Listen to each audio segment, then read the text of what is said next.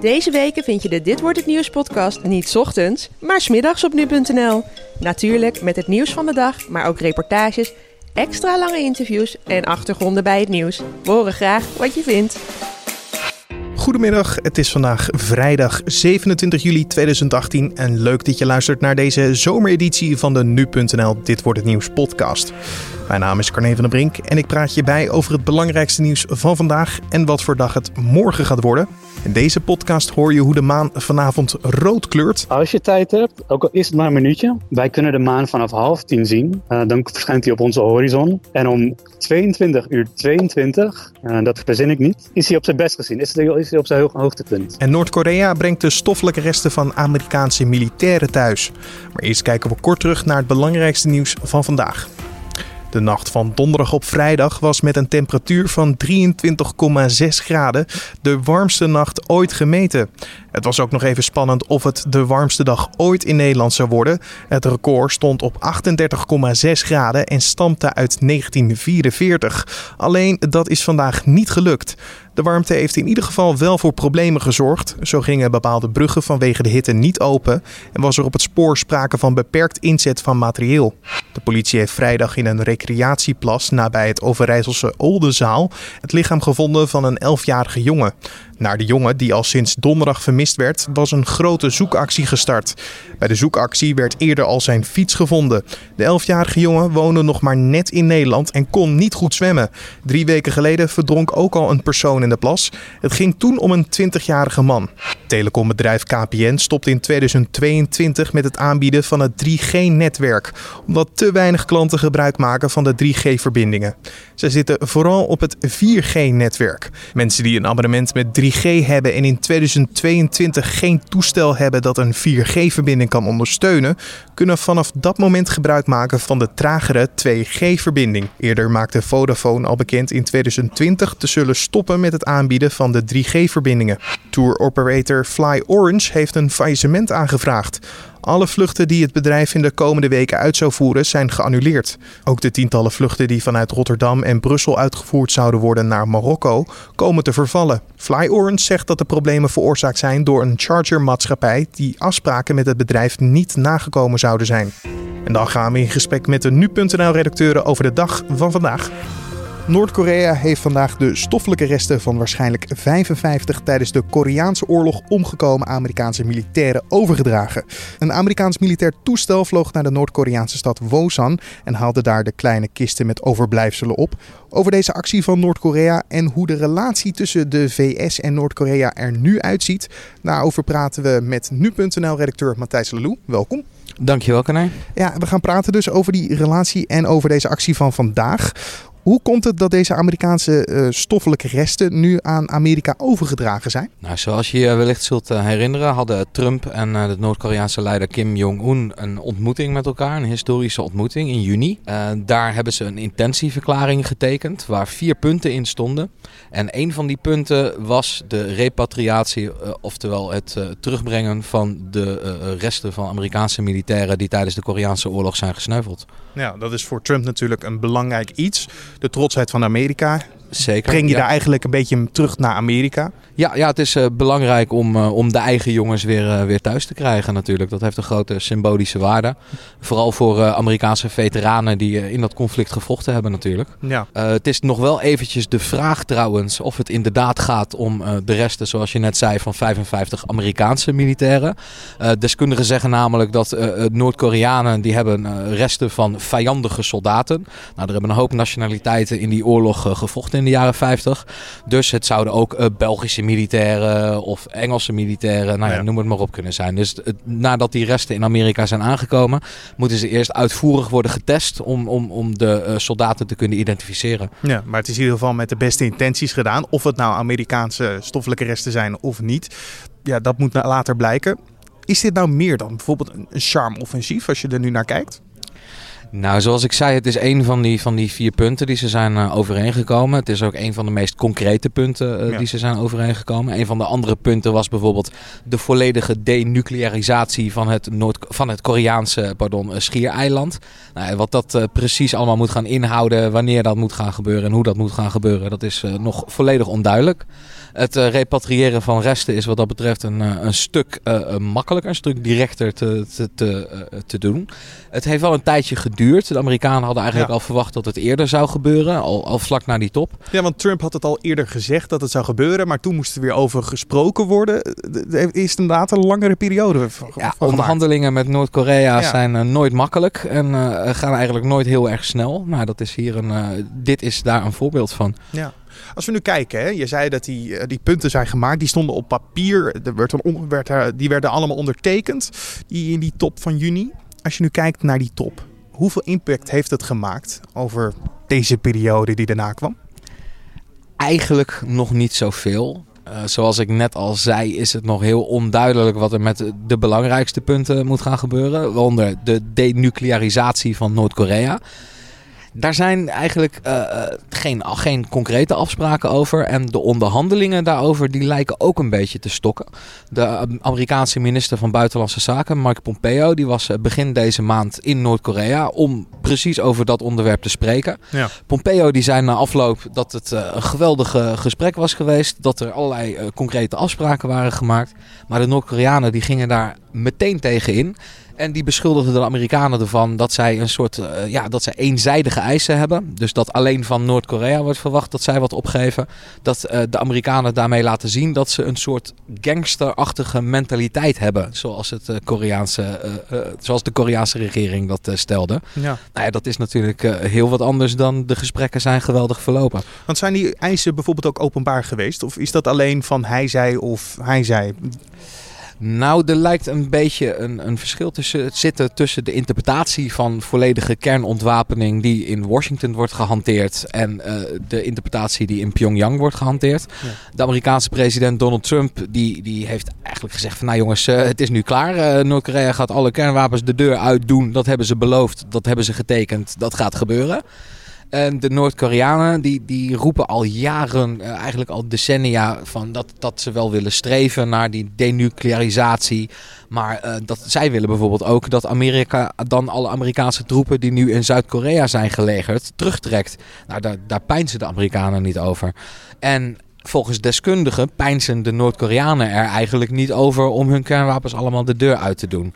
Dus ja, het is verwarrend, want een paar dagen geleden was in het nieuws dat Noord-Korea wel begonnen is met het ontmantelen van een locatie waar het land eh, ballistische raketten bouwde. Zo stelde de VS in dit geval.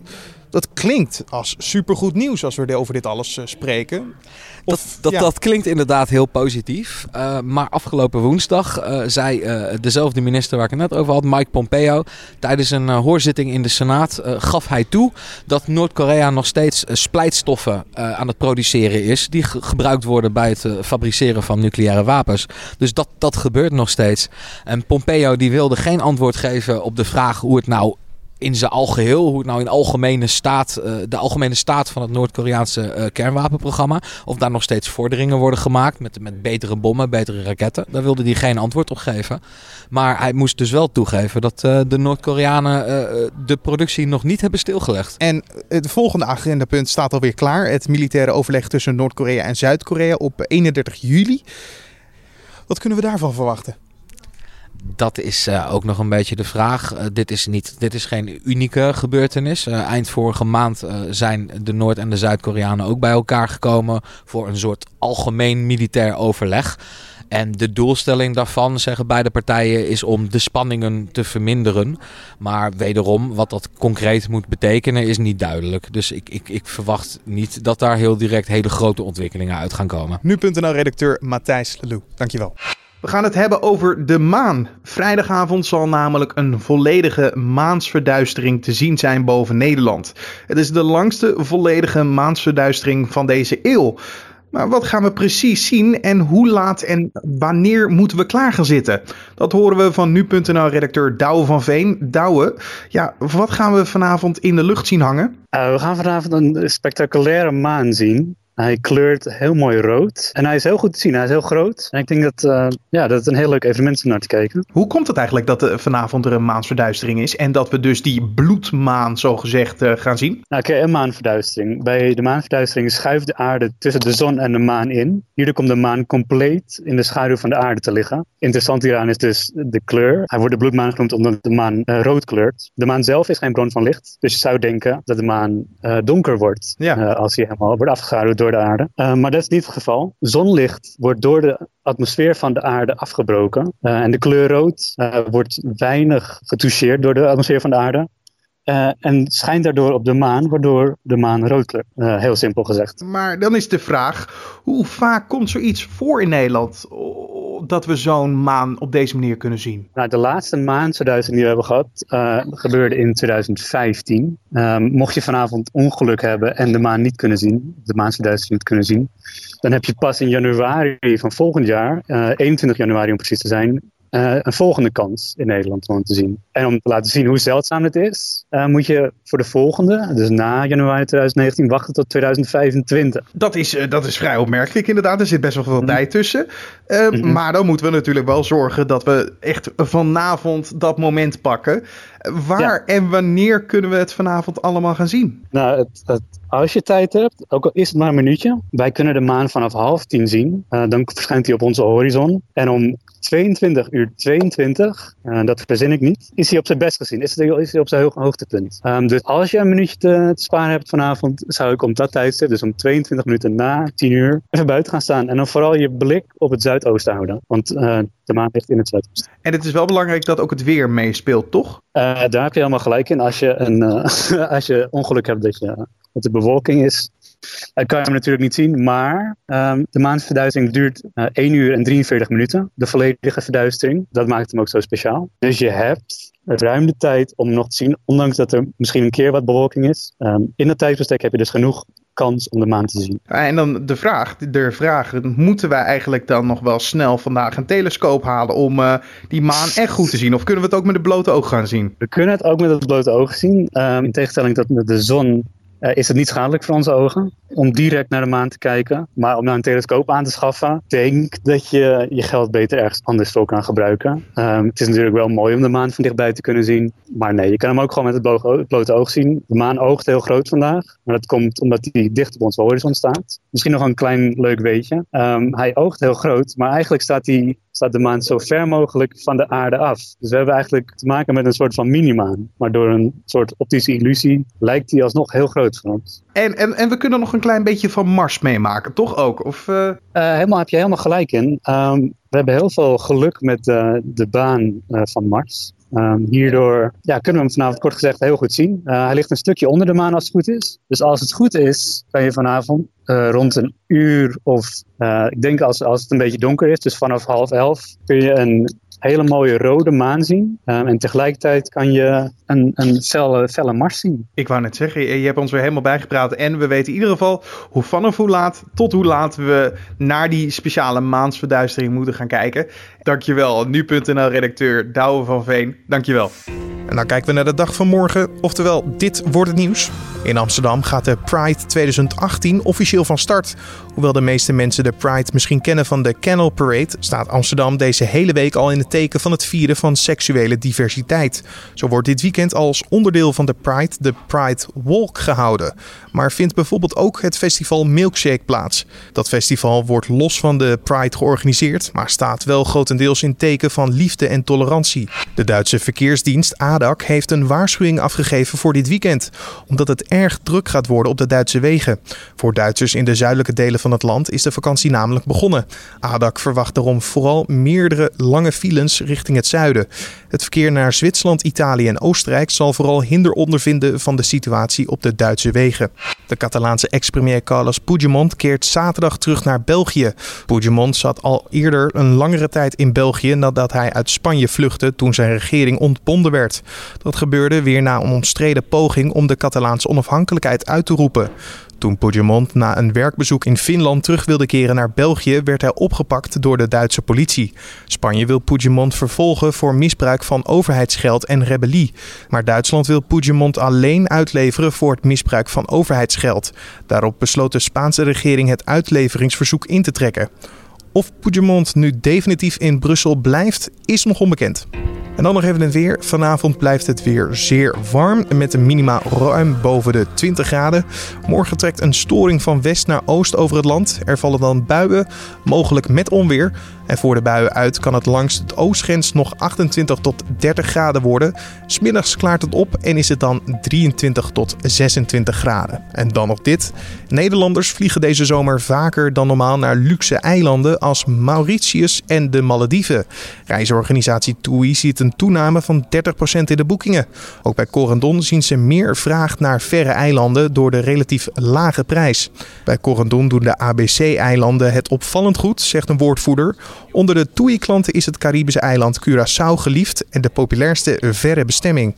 Toch vliegen deze zomer nog altijd meer Nederlanders naar een bestemming iets dichter bij huis. Bij TUI staat Spanje op één, gevolgd door Griekenland, Turkije, Portugal en Kroatië. Bij Corendon doet ook Italië het goed. Dit was dan de Dit wordt het nieuws podcast voor deze vrijdag 27 juli. Vind je dit nou een fijne podcast om in de middag te beluisteren? Laat het ons weten via een mailtje naar redactie.nu.nl of natuurlijk altijd via een recensie op iTunes. Maandag zijn we weer terug met een middagpodcast. Voor nu wens ik je een fijn weekend en natuurlijk tot maandag.